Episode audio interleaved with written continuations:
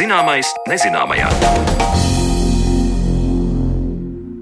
Esiet sveicināti raidījuma zināmais nezināmajā un Sandra Kropa turpmāko stundu kopā ar jums, lai šodien parunātu par to, kā un kāpēc cilvēki pēta vientulību. Vientulība kļūst par arvien pētītāku fenomenu dažādā zinātņu nozarēs, un par to, kāda tai saistība ar mūsu uztveri un atmiņu mēs parunāsim raidījuma otrajā daļā. Taču līdz tam vēl palūkosimies uz cilvēkiem, kuri apzināti izvēlējušies būt vientuļi. Jau pavisam drīz runāsim par to, kā vientulība ir kļuvusi par arvien pētītāku fenomenu dažādās zinātņu nozarēs un to, kāda ir tās saistība gan ar dažādiem mentāliem procesiem un pat saslimšanām. Bet pirms tam palūkosimies, kāda ir to cilvēku motivācija, kuri apzināti ir izvēlējušies vientulību. Lai pietuvotos debesu valstībai, cilvēki izvēlas nošķirties no pasaules un atteikties no pasaules labumiem.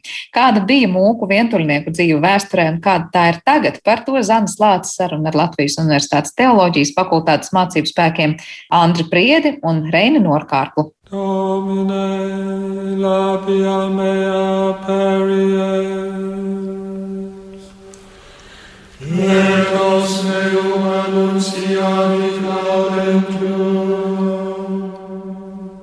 Asketiska dzīve, nošķirti no cilvēkiem, ir zināma jau pirms kristietības, un arī citās reliģijās. Piemēram, budismā, hinduismā un sūfismā arī ir sastopami cilvēki, kas ir izvēlējušies pārdomām pildītu asketisku dzīvesveidu prom no ļaužu acīm. Bet šoreiz palūkosimies, kādi motīvi vada tos, kas kristīgajā pasaulē ir kļuvuši par mūkiem vai mūķenēm vientuļniecēm. Atslēgas vārds ir aicinājums. Tā saka viens no maniem sarunu biedriem, Latvijas Universitātes teoloģijas fakultātes zinātniskais asistents Reinis Norkārkls. Tam nevarētu atrast kādu vienu motīvu. Drīzāk mēs varam runāt par veselu motīvu kopumu vai arī specifiskiem motīviem katrā individuālā gadījumā.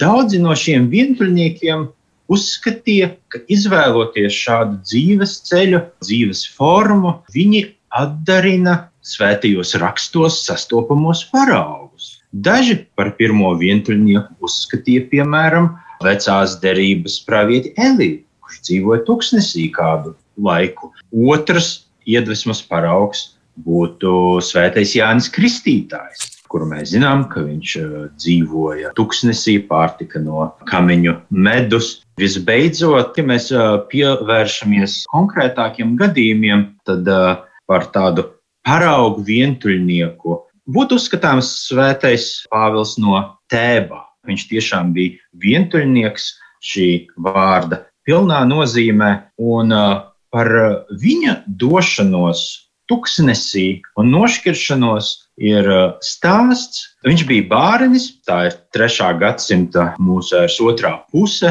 imperatora Dēcija inicijēto kristiešu vajāšanu laiks, un kāds uh, radinieks izlēma viņu kā kristieti nodod vajātājiem, lai iegūtu viņa mantojumu, lai no tā izvairītos, viņš dodas tuksnesī. Te varētu teikt, ka daži kristieši turp dodas apstākļu spiesti, citi kādu paraugu iedvesmu. Trešie iedvesmojas no svēto rakstu vārdiem, no Kristus aicinājuma. Ja tu gribi būt pilnīgs, ej pārdod visu, kas tev pieder, un izdāvā nabagiem. Tad tev būs manta debesīs. Nāc, seko man! Tātad nošķiršanās no pasaules, atteikšanās no pasaulīgiem labumiem, daudzuprāt, bija veids, kā viņi savukārt var pietuvoties debesu valstībai. Ja mēs skatāmies uz šo vientuļnieku dzīvesveidu, es saprotu, ka viņi ir mitinājušies alās vai arī zem klajas debesis. Piemēram, Eģiptē nereti šo vientuļnieku dzīves stāstos figurē akas, kas ir nevis aka mūsu izpratnē, kā mēs esam pieraduši tās redzēt Latvijā, tādas šauras pazemes telpas, bet kaut kas drīzāk līdzīgs alai, lielāks pazemes rezervuārs, kas būdams sauss var kalpot arī par dzīves vietu un patvērumu, kā jau Ēģiptē, tur ir pieejamas alas, senāka laika kapenes, kas nereti kļūst par vientuļnieku mājokli, kādi nocietinājumi vai to drupas. Par pirmo kristiešu eremītu jeb mūku vientuļnieku tiek uzskatīts svētais Pāvils no Tēbām, kurš ir dzīvojis 3. gadsimtā mūsu ērā, un par kuru ir rakstīts, ka viņš ir sācis dzīvot vienatnē Ēģiptes tuksnesī 16 gadu vecumā un tur nodzīvojis līdz 113 gadu vecumam. Taču līdzās antīkiem zinātniski nepierādāmiem aprakstiem par ticīgo dzīvi ir neskaitāmi vientuļnieki vai vientuļnieces no jaunākiem laikiem, kā piemēram 20. gadsimtā dzīvojošais trapistu mūks Tomas Smērtons, kuru uzskata par vienu no izcilākajiem un ietekmīgākajiem 20. gadsimta kristīgajiem domātājiem. Vai arī Vendija Mērija Beketa, kas ir dzimusi pirms 91 gada un kura, neraugoties uz noslēgto dzīvesveidu, plašāk kļuva pazīstama, kad pagājušajā gadsimta 90. gados prezentēja virkni BBC televīzijas dokumentālo filmu par mākslas vēsturi. Par mūku vientuļnieku dzīvi mūsdienās stāsta Latvijas Universitātes teoloģijas fakultātes baznīcu un reliģijas vēstures katedras docents Andris Priede.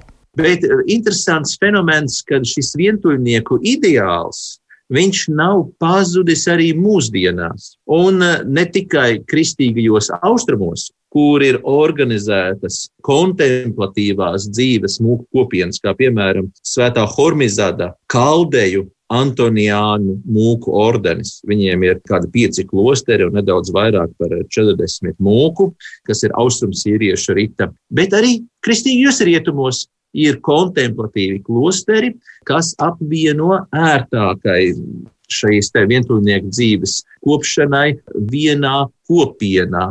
Respektīvi, mēs tuvākais, kur mēs varam aizbraukt, apskatīties šādu modeli, gan bez dzīviem mūkiem, tas ir Suvalkijā, nevis Lietuvas, bet Polijas Suvalkijā, tepat gandrīz aiz robežas ir Vigru ekskamalduliešu klosteris.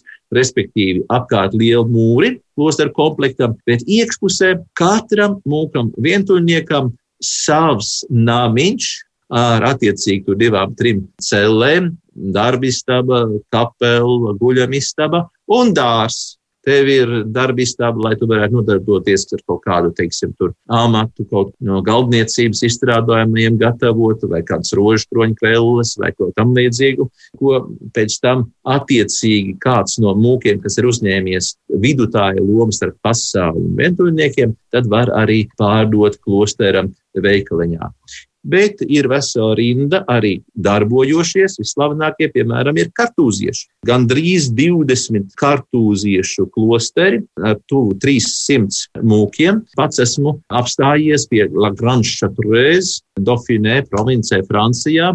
Un kartūzieši tas ir tikai viens, tad ir šie minētie kamaldulieši. Tiem, piemēram, līdz šai dienai darbojās augšā virs Romas, ir Tuskolo, Montekoronas kongregācijas, kamalduliešu ēremītu klosters. Arī viņu aicinājums ir pilnīgi kontemplatīvā dzīve. Nu, labi, viņi pulcējās uz kopīgu dievkalpojumu, svētdienās satiekās arī uz tā saucamo rekreāciju, bet pārējo laiku pārsvarā pavada šādā klusēšanā.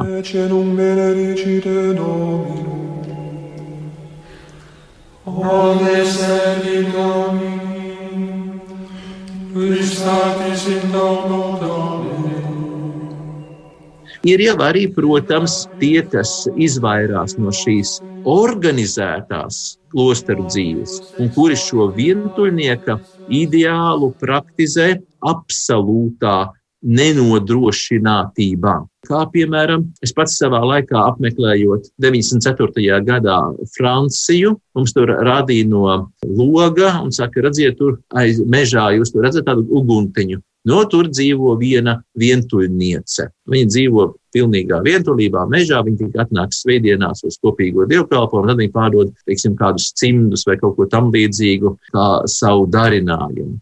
Tie varbūt ir cilvēki, kuri jau ir ar klosteru dzīves pieredzi un atklājuši savu vēlmi pilnībā veltīties sekošanai Kristum. Domine, labia mea perie. Par to, kā vadot savu dzīvi lielākoties klusumā, apcerēs, lūkšanās un darot nepieciešamos darbus izdzīvošanai, izmainās laika izjūta šādiem mūkiem vientuļniekiem. Andris Prieda min piemēru par 2005. gadā uzņemto filmu Lielais klusums. Tas ir dokumentāls stāsts par kartūziešu ordeņa brāļiem Francijas Alpos. Filmas režisors palūdza atļauju viņus filmēt, Mūki teica, ka apdomās šo priekšlikumu, un atbildi režisoram viņa deva pēc 16 gadiem. Arī Reinim Norkārklam ir piemērs par laika un dzīves izjūtu, vadot mūka vientuļnieka dienas. Man ir gadījies īsu brīdi paviesoties Kamaldaliešu klosterī pie Krakovas. Kamaldalieši līdzīgi citām eremītu kopienām arī savā starpā īpaši bez vajadzības nesarunājas. Kur nu vēl ar svešiniekiem, varbūt tās reizi nedēļā, kādas kopīgas rekreācijas apstākļos. Šī klostra īpatnība bija tāda, ka tā vārtus atver noteiktās stundās. Viņi var ienākt tajā klosterī, apmeklēt baznīcu, un tad pēc stundas viņiem atkal bez liekas runāšanas kāds uh, klostra brālis atver vārdus, viņi to pamanīja. Es biju vienīgais apmeklētājs, un um, man bija paredzēts uh, iziet no klostra pēdējā reizē, kad pa dienu šie vārti vispār tiek atvērti. Es nonāku pie vārtiem, vārti ir cieti, neviena klostra brāļa nav tuvumā. Un man radās aizdoms, ka man tur būs jāpavada varbūt tās vesela nakts. Tā. Bet tad uh, tomēr uzrādījās klostra iemītnieks uh, ar 15, 20 minūšu aizkavēšanos. Tā smaidot, pastāstīja, ka, ziniet, klosterī dzīvojot, jau ir pavisam citādāka laika sajūta. Lūdzu, atdošana, ka lika man gaidīt. Bet, jā, tā bija tāda ikdienišķa saruna, bet jau pat tie burtiski pāris teikumi, ko mēs pārmijām, bet arī tie ļāva gūt kaut kādu tādu mazu, mazu ieskatu, bet kaut vai viņa laika izjūtā.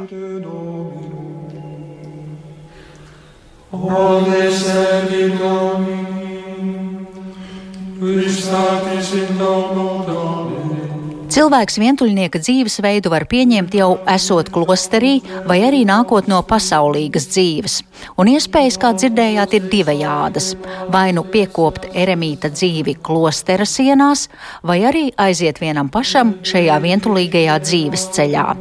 Kā teica Andris Priede, katrs gadījums ir ārkārtīgi individuāls, un katrs šāds gadījums ir īpašs dieva aicinājums.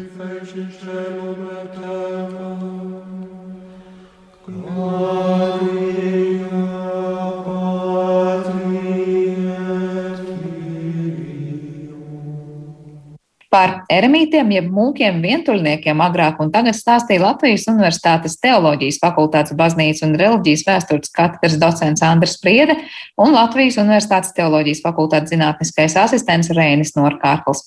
Bet par to, kāda vientulība ir saistība ar uztveres un atmiņas īpatnībām un arī dažādām mentālām saslimšanām, mēs runāsim raidījuma turpinājumā.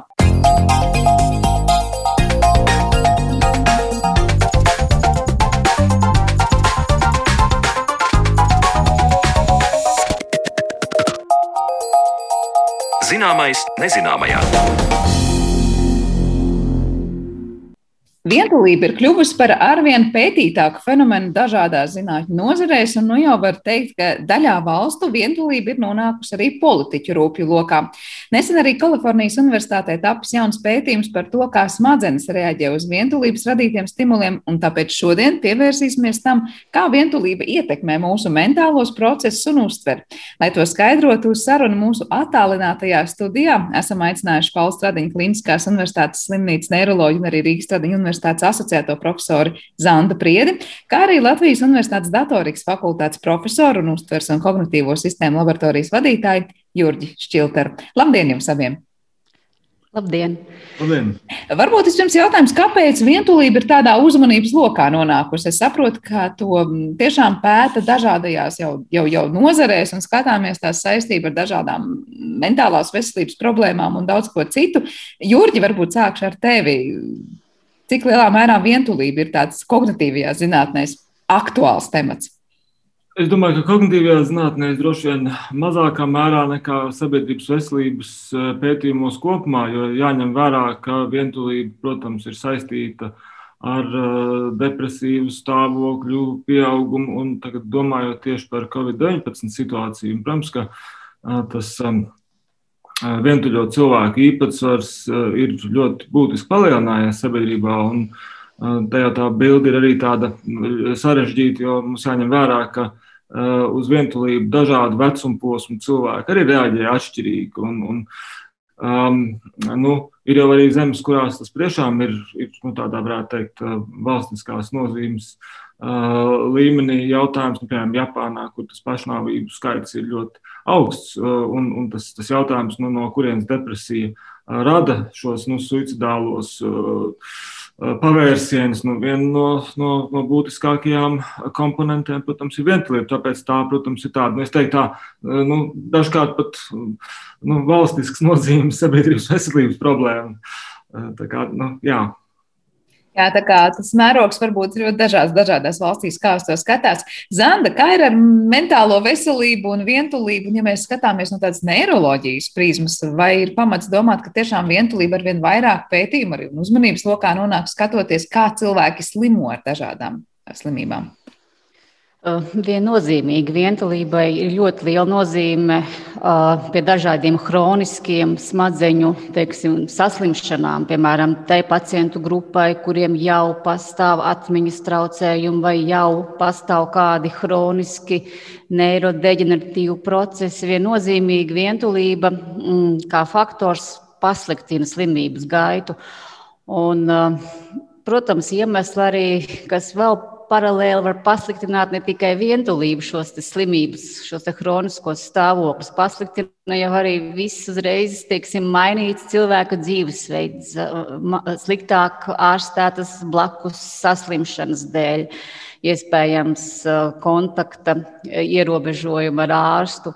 Pieaug dažādi riska faktori, tā skaitā toksiskie, bezmiegs, stress un, protams, arī depresija. Un viennozīmīgi, teiksim, atmiņas procesu vientulība ietekmē negatīvi, jo tie ir savstarpēji miedarbīgi procesi. Un, teiksim, jebkādas pozitīvas uh, vai negatīvas, teiksim, spēcīgas emocijas var gan palīdzēt, gan traucēt atmiņas tiešiem procesiem. Bet runājot par chroniskiem pacientiem, vientulības faktors viennozīmīgi nenāk par labu.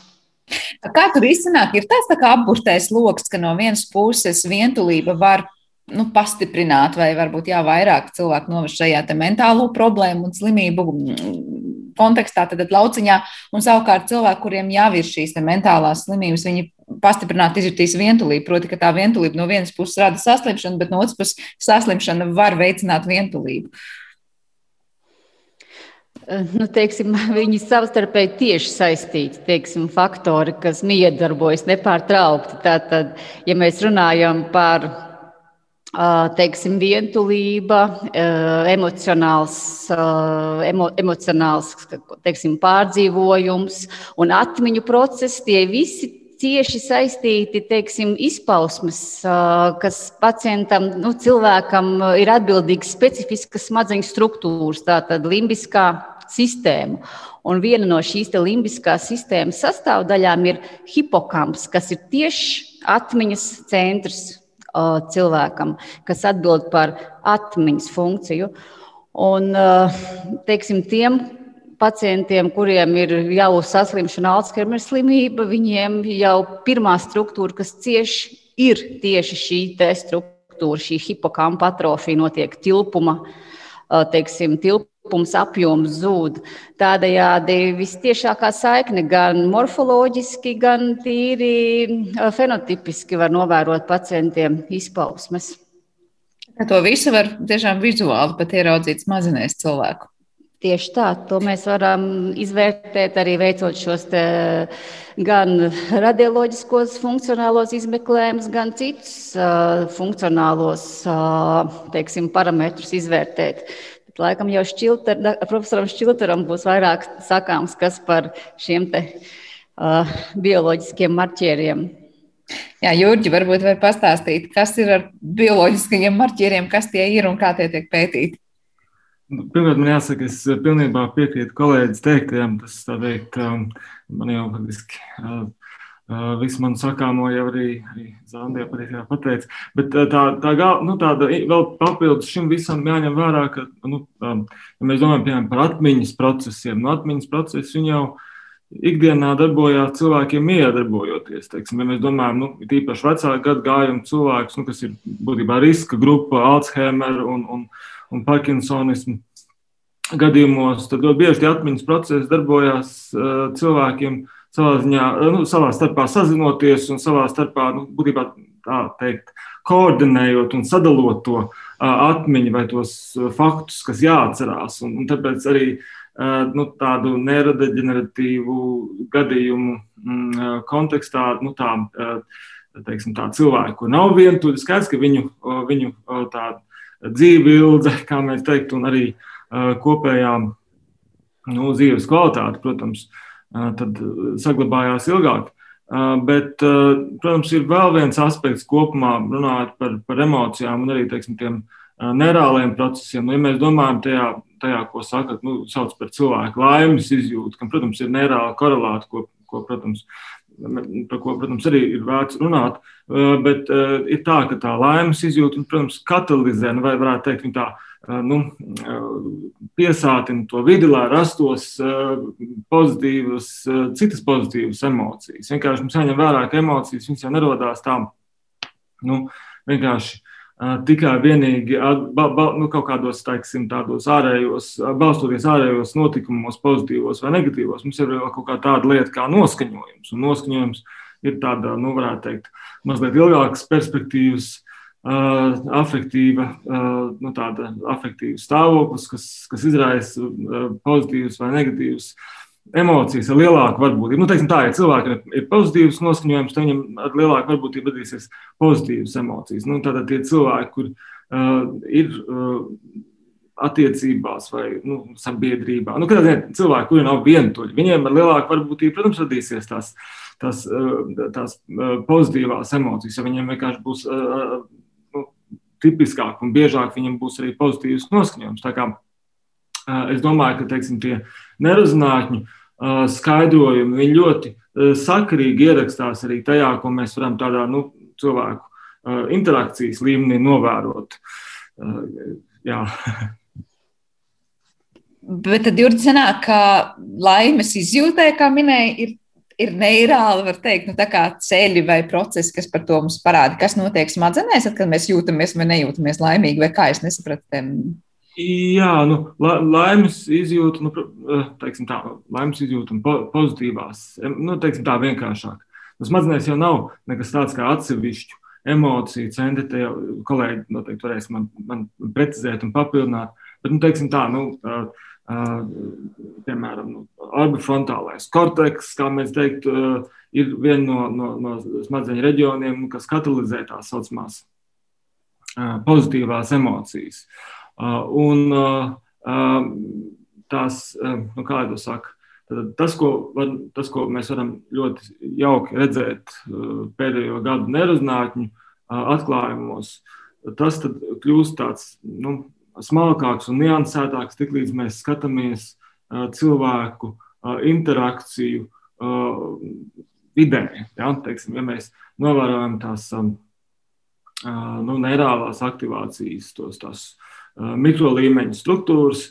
Viņas nu, lieliskā veidā papildina to, ko mēs varam veikt eksperimentos ar cilvēku reakcijām uz konkrētām situācijām ikdienas dzīvē. Un, un šajā aspektā, protams, tas stāsts no nerezinātņu puses ļoti labi papildina to, ko mēs varam veikt, varam pētīt, veicot uzvedības un, un uztveres eksperimentus, reakcijas laikiem un citiem rīkiem. Tas viens monētas divas puses būtībā sanāk.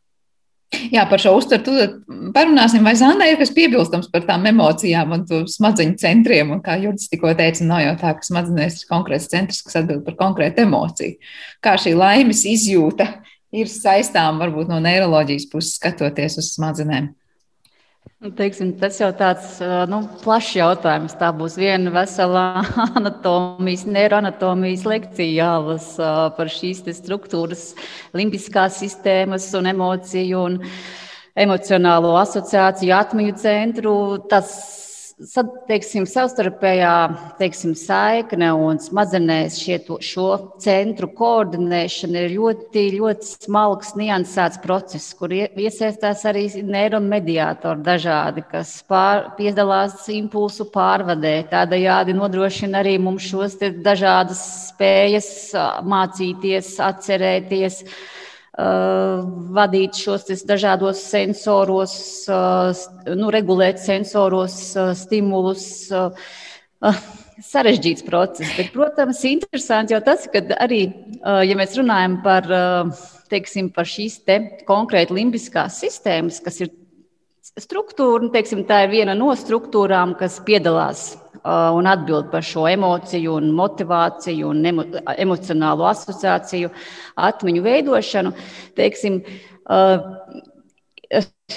pašos pamatos ekstravertiem cilvēkiem tāpat strādā aktīvāk un, uh, uz, un teiksim, aktīvāk strādā tiem cilvēkiem, kas ikdienā darbojas vairāk uz riska robežas, teiksim, ikdienā riskē vairāk, bet tie, kas ir tādi piesardzīgāki, introvertāki, pētījumi apstiprina arī, ka limbiskās sistēmas uh, darbība ir, teiksim, savādāka, teiksim, lēnāka, ne tik aktīva kā tiem, kas ir ekstraverti tad šis teiksim, emocijas uh, nav tik vienkāršs un īss, teiksim, tāds uh, apzīmējams marķieris. Tie ir ļoti, ļoti daudz un dažādas gan neirotransmiteri, gan struktūra savstarpējā darbība un sadarbība un, teiksim, ikdienas stimulācija. Vai viņi pastāv, vai viņi nepastāv, teiksim, cilvēkam sociālie kontakti, jebkādas, teiksim, ikdienas aktivitātes, kas attīsta mūsu domāšanu un adaptāciju apstākļiem. Varbūt sarežģīti. Varbūt, Bet sanāk tā, ka, ekstravertie cilvēki var teikt nu, par tiešām vārdu tiešām nozīmē apgalvot, ka viņu smadzenes tur kūp un mutuļo, jo tur tiešām tie procesi notiek varbūt pat ātrāk un daudzveidīgāk. Tā var teikt, ka tā limbiskā sistēma tur var teikt, nu, tā kā tad noslogot pilsētas ielu. Nu, Teorētiski varētu tā teikt, jo pētījumi joprojām turpinās šajā zinātnes jomā. Man liekas, ka tā tiešām ir ļoti, teiksim, nu, tāda. Nu, interesants, interesanta pētniecības nozare, kur ļoti, ļoti teiksim, daudz neatbildētu jautājumu vēl joprojām Jā, nu, pastāv. Par smadzenēm laikam vispār daudz neatbildētu jautājumu vēl būs, un, un pavisam noteikti ir, un tas varbūt arī padara tās tik ļoti, ļoti interesantas. Bet atkal man jāsaka, klausoties, liekas tā, nu, ja tie visi neiromediātori tur darbojas un, un ietekmē to, kā mēs kaut kādā mērā arī jūtamies un domājam, tad var teikt atkal, ka tā smadzeņu ķīmija vienkāršot sakot, ir tā, kas no vienas puses nu, noteiks to, kā mēs skatīsimies varbūt uz nezinu, lietām, cik pesimistiski, optimistiski, vai, vai, vai pozitīvi vai negatīvi. Un tāpat laikā tas, kā mēs jau esam noskaņoti un kā domājam, var teikt, ietekmē arī to smadzeņu ķīmiju, kādi tad procesi notiks tajā limbiskajā sistēmā. Tie ir tieši saistīti procesi, teiksim, neirotransmiteri, neironu sinapses, neironu aktivācija. Uh, teiksim, tas, šīs informācijas pārvade notiek teiksim, divos veidos neironos šajās specializētajās šūnās - ķīmiskā un elektriskā veidā. Tādējādi viens bez otra nekad nenotiks, un teiksim, šie procesi iet paralēli. Bet emocijas tajā brīdī, kad mums ir, mēs jau varam teikt, mēs, mēs dzīvojam šo ķīmisko un elektrisko procesu varā, kā, vai mēs ar savām emocijām uh, mainām to, kādi tur tie procesi palaižās vai bremzējās.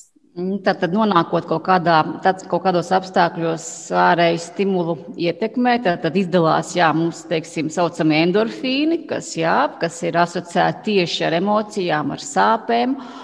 Un, un, piemēram, dopamīns vairāk ir asociēts ar teiksim, labsajūtas sajūtu cilvēkam. Um, un, teiksim, arī pie dažādām patoloģijām ir apstiprināts un pierādīts, piemēram, cilvēkiem ar schizofrēniju, viņiem ir atklāta arī pārmērīga mm, šo te produkcija, atkal medi, neiromediātoru produkcija specifiskos dažādos smadzeņu reģionos. Tātad šīs te uh, neirotransmiteri ir ļoti, ļoti būtiski. Uh, emociju, labsajūtas un, uh, teiksim, neironu funkcijas nodrošināšanā. Ja mēs par uztveri, jā, Jurģi. Varbūt tāds, varbūt tāds nu, komentārs arī būtībā, man mazliet arī papildinot. Uh, teiksim, tā, nu, kas tad ir tie cilvēka procesi, kur rezultātā viņš rīkojās un, un domā un dara, kā, kā dara. Nu, es parasti mēģinu salīdzināt ar tādu kārtā no torti, kur ir tas, tas bazālais līmenis, ir tas, tas nereālais līmenis. Nu, skats bez smadzenēm, ja mums nekas, nekādi kognitīvie, nekādi uztveres prieks, nekas mums nebūs. Skaidrs, bet tālāk tie citi līmeņi tajā kārtēnējā tortē, ko sauc par cilvēku rīcību, darbību un, un, un funkcionēšanu, nu, viņi ir daudz, nu, tā, viņi ir kaut kādā mērā smalkāki, varbūt, vai, vai situācija atkarīgāki. Teiksim, tas, ko, tas, tas, kas ir ar, ar, ar smadzenēm, tā lielā lieta ir tā, ka tas ir salīdzinoši tie robusti procesi, kas liecina par nu, tādām ļoti funkcionālām, nu, ļoti, teiktu, tā, ļoti būtiskām, ļoti būtiskām darbības nu, komponentēm. Tālāk šīs darbības komponentes kļūst daudz detalizētākas, ja mēs teiksim, skatāmies piemēram cilvēka dzīves ciklu, cilvēka dzīves gaitu. Ja mēs skatāmies personības iezīmes, protams, tas piemēram, arī piemērs par uh, ekstravertiem ir uh, ļoti uh, nu, būtisks. Skaidrs, ka teiksim, personības iezīmes ļoti būtiski uh, Uh, ietekmēs to, kā mēs emocionāli reaģējam uz, uz kaut kādām situācijām. Bet, uh, protams, ka šīs visas lietas, es domāju, teiksim, tā, tā nereālā apstrāde un tālāk tā uh, visas personības iezīmes, viņas jau viss ir sajūgtas kopā. Vienkārši mums domāt par šo visu būtu jāpaturprātā, kā tāds tā dažādi apstrādes līmeņi. Teiksim, mēs jau smadzenēs neredzēsim, ja mēs pētām, piemēram, krāsu, uzturamies krāsu, tad neredzēsim tādu. Mēs neredzēsim arī arī emocijas tiešā veidā. Bet skaidrs, ka nereālā apstrāde smadzenes nosacījums, lai tālāk tie citi visi līmeņi atrastos, eh, darbotos un rastos. Tā kā, teiksim, tas ir tas interesantais, droši vien, eh, nu, gandrīz jebkurā eh, nu, tādā kognitīvo neirozinātņu, neirozinātņu aspektā, ka mums, mums ir tā kārtēnā torta, mēs varam jebkuru to segmentu pievilkt to plānā, un tā ir tā lielā, droši vien, nu, Tīri no pētnieciskā viedokļa lielā interese un fascinācija, kāpēc arī pētnieku vidū šie jautājumi ļoti interesanti. Bet, ja mēs mazliet runājam par to nu, uztveri tieši vientulības kontekstā, es lasīju kādu ziņu, kurā bija pētīts, kā cilvēki reaģē uz dažādām sejas izteiksmēm, nu, ko, ko viņiem rāda kā fotografijas, un sanāca tā, ka vientuļākie cilvēki no tām visām parādītajām vairāk atcerējās, uztvēra, redzēja šīs negatīvās emocijas, savukārt nevientuļie cilvēki tajās vairāk redzēja tās pozitīvās.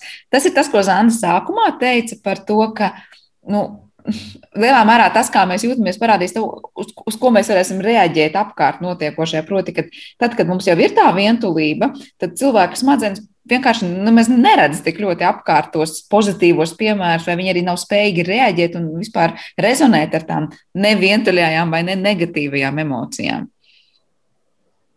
Jurģi vai Zanda, nezinu, kurš pirmais Jurģis varbūt ir ko teikt.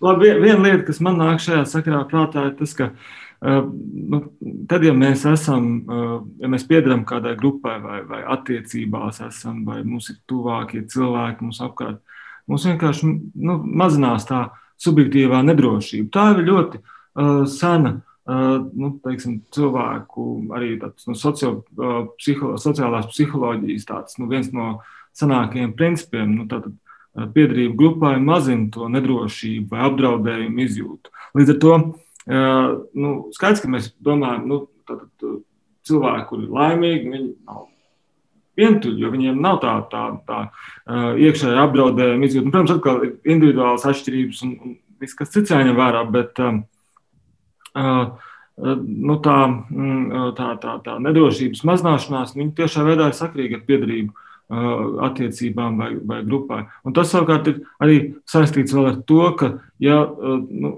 ir, ir, ir, tas konkrētais mūsu interesējošais cilvēks, uh, attiecībās vai kādā cilvēku grupā, tad viņam ir, ir nepieciešamība ieņemt tādu citu ati, nu, cita cilvēka vērtējumu, vērojumu perspektīvu. Un tas jau arī tad, tad rada to, to, to spēju, nu, teikt, nu, mazliet attālināties no tās, tās subjektīvās tā izmisuma un vientulības izjūtas. Bet var teikt, ka nu, vientuļie cilvēki var teikt, vairāk saskata apkārt iemeslu savai vientulībai, ja es tik ļoti vienkāršoju un trivializēju.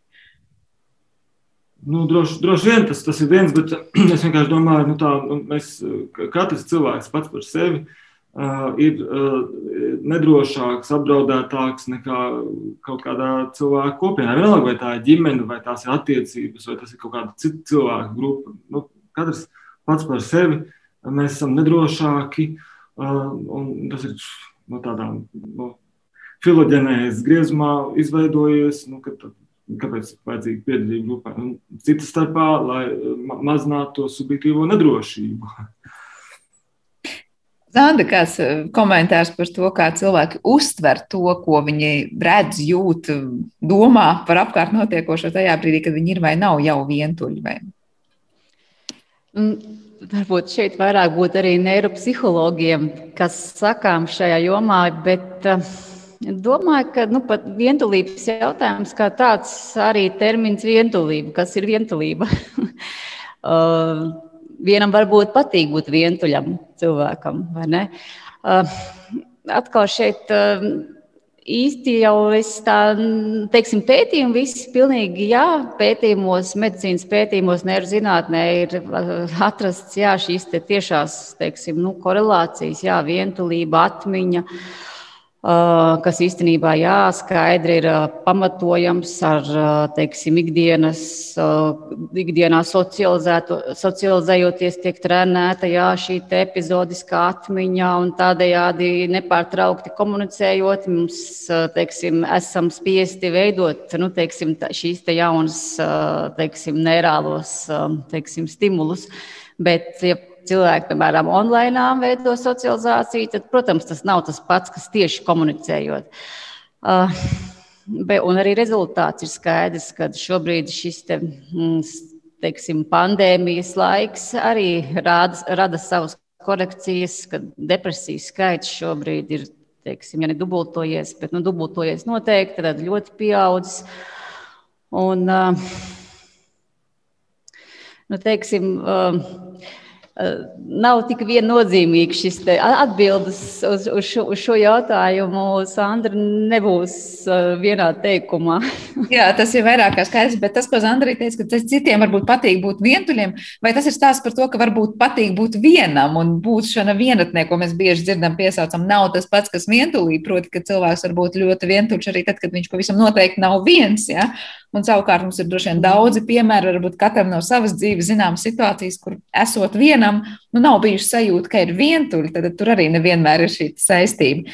Bet mēs šeit runājam tiešām par tām vientuļajām sajūtām, un tas nav obligāti stāsts par to, ka cilvēks tajā brīdī ir viens. Ja? Jā, Jā un tur liekas, ir divas, divi aspekti. Viens ir, ir tas, ka nu, katrs mēs kādā brīdī esam viens, un tas nenozīmē, ka mēs esam vientuļi. Tam jau pat īstenībā ir sava veida uh, jēga tajā, lai mēs sakārtotu nu, tās, tās pašas emocijas, bet arī lai sakārtotu uh, nu, domas. Un, un te mums ir cita problēma ar 21. gadsimta cilvēku kopumā, kad 21. gadsimta cilvēks īstenībā izvairās būt vientuļš. Viņam ir viss tā sociālo tīklu sabiedrība, kurā viņš jūtas ļoti sociāls un viņam ir daudz draugi, bet nu, tas ir savā ziņā tāds mazliet maldinošs priekšstats. Nu, pēc būtības jau tas, ko mēs tomēr redzam tādā ilgtermiņā, nu, tā vientuļo cilvēku, vientuļo cilvēku īpatsvars pieaug. Tagad vientuļotajā, nu, mēs kaut ko mēs saucam hroniskā vientulība, nu, kur cilvēks, tas nav tikai nu, kaut kāda noteikta brīža, bet nu, tiešām viņš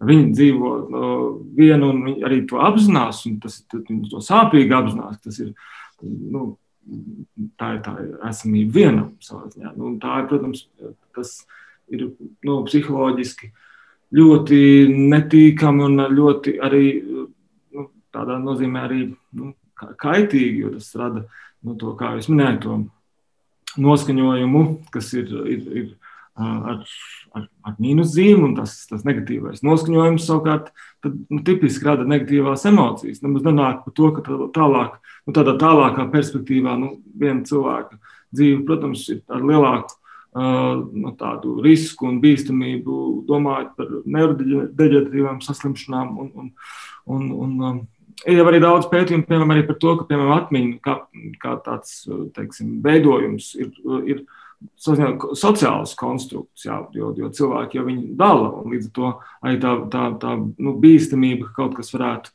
dzīves laikā notikt, nu, viņa uh, tajā kopienā, nu, vai vienalga, vai divi cilvēki, vai, vai pieci, vai desmit, vienalga, viņi, viņi tomēr kaut kā tiek, tiek saglabātas tā, tā drošības izjūta un, un, un um, arī atmiņas ilgspējība savā ziņā. Okay. Jā, nu šeit mēs varam jautāt, kas ir jau kroniska vientulība un ilgusi vientulība, un kas ir varbūt īslaicīga vientulība, kas mums katram ir tikai un vienīgi nu, normāla parādība, manuprāt, to izdzīvot un saprast kādā dzīves posmā. Bet uh, noslēdzot šo sarunu, varbūt nu, tajā brīdī, ja cilvēks ir vientuļš, un tomēr mēs sapratām un runājām šodien par to, kā tas ietekmē gan kognitīvos procesus un uztveri, ko darīt, lai kaut kā mazinātu varbūt tās sekas. Ir kādas receptes vai ir kādi paņēmieni, nu, par ko būtu jāmēģina domāt un ko darīt šiem cilvēkiem, lai, lai tās sekas nebūtu tik jūtamas? Um, Sandra, nu šis jautājums jau eh, tāds atkal ļoti ga, garu atbildi prasa, bet teorētiski uh, es domāju, vienkārši jācenšas tomēr šo dzīvesveidu kaut kādā veidā tomēr strukturizēt ar kaut kādu ikdienas ritmu un jaunu paradumu, teiksim, veidošanu, apgūšanu. Uh, Un, protams, man kā ārstam, kā klinicistam, jānovēl, lai cilvēki tomēr vairāk domā par savu mūsdienīgo dzīvesveidu, arī piedomājot par savu veselību, teiksim, par gan veselīgu uzturu, gan veselīgu miegu, gan darba un miera, miera un atpūtas režīmu, balansēt ar fizisko aktivitāti, tādējādi arī šīs emocionālā teiksim, nošķirtības sajūta mazināsies. Tā kā vairāk ieviest aktivitāti savā dzīvē un, un sastruktūrizēt to, ja tā varētu teikt. Teiksim, Jur... veseliem individiem noteikti. Jā, jā. jā. Jurģi? Jā, es, es noteikti piekrītu arī, arī uh, Landas teiktiem. Uh, un, uh, man no manas puses vēl tādas trīs trīs uh, principi droši vien. Nu, viens tomēr mēģināt tos sociālos kontaktus uh, uzturēt par spīti visai pandēmiskai situācijai, un arī par spīti tām varbūt personības lietām. Nu, ir cilvēki, patiešām, nu, kur, kā mēs iepriekš runājām, kuriem uh, tie uh, sociālie kontakti un, un aktīvas eh, saziņa varbūt nav tik būtiski, bet nu, tad, jebkurā gadījumā, mēģināt to sociālos kontaktus tomēr uzturēt. Jo kaut kādā brīdī, nu, patīk vai nepatīk, nu, viņi tomēr ir kritiski mūsu uh, uh, psiholoģiskā un psihiskai, un gan jau kā ir nereālai labsajūtē. Tā otra lieta ir, um, ir tā, ka nu, mēģināt ģenerēt kaut kādas uh, pozitīvas emocijas pat tajā psiholoģiskajā noskaņā, noskaņojumā, kas ir nu, tāds varbūt nomācošs. Nu, domāsim to visu šobrīd pandēmisko situāciju. Nu, nav jau nekas tāds ļoti uh, patīkams. Nu, kā kolēģi, psihoterapeiti parasti mēs teikt, nu, palutināt sevi, nu, teiksim, vienalga, nu, kaut kā mēģināt tajā, tajā bēdīgajā noskaņā sevi pautināt un, un kaut kā nu, kaut mākslīgi ģenerēt tās, tās nedaudz tās, tās, tās pozitīvās emocijas. Nu, trešā lieta, um, ņemot vērā to, ka tomēr, um, uh, tomēr nu, cilvēku dzīves laikā citas emocijas pēc to intensitātes uh, sarūk. Nu, tad, ja mēs skatāmies vecuma posmu griezumā, tad vecākiem cilvēkiem uh, emociju intensitāte sarūk, izņemot vienu emociju veidu. Uh, tā ir laimes izjūta. Laimes izjūta salīdzinoši ļoti nedaudz sarūk dzīves laikā. Nu, un, tad droši vien tas ieteikums būtu nu, mēģināt to laimes izjūtu kaut kā, nu, mēģināt saprast, kas ļauj sevi radīt laimes izjūtu, mēģināt saprast, kas ir tie mehānismi. Jo tas jau ir diezgan subjektīva lieta. Jau arī tas, tas jautājums par, par introvertiem, ekstravertiem, atvērtiem, slēgtiem cilvēkiem. Ļoti, ļoti atšķirīgas tās, tās pieejas varētu būt. Bet, nu, ja mēs saprotam, kas, kas varētu būt tas mehānisms, kas mūs padara laimīgus, mēģinam viņu darbināt, mēģinam viņu turēt uh, acis priekšā. Jo, jo tas neapšaubām mūsu, mūsu dzīves kvalitāti var uzlabot. Jā, tad, tad trenēsim laimes izjūtu un laimes sajūtu. Un labā ziņa ir tas, ko Jurts tikko teica, tā noteikti ar gadiem nemazinās. Paldies jums abiem par šo sarunu. Dzirdējām Pauls Stradiņa Kliniskās universitātes slimnīcas neiroloģiju un arī Rīgas Stradiņa universitātes asociēto profesoru Zandu Priedi, kā arī Latvijas universitātes datorikas fakultātes profesoru un uztvers un kognitīvo sistēmu laboratorijas vadītāju Jurģis Čilter mūsu attālinātajā studijā. Ar to arī šis raidījums ir izskanējis, un par to teikšu paldies producentēs Armītei Kolātei un mūzikas redaktoram Girtam Bišam. Ar jums kopā bija Sandra Kropa un atgādinu, ka mūsu raidījums var dzirdēt arī populārākajās podkāstu vietnēs. Uz tikšanos!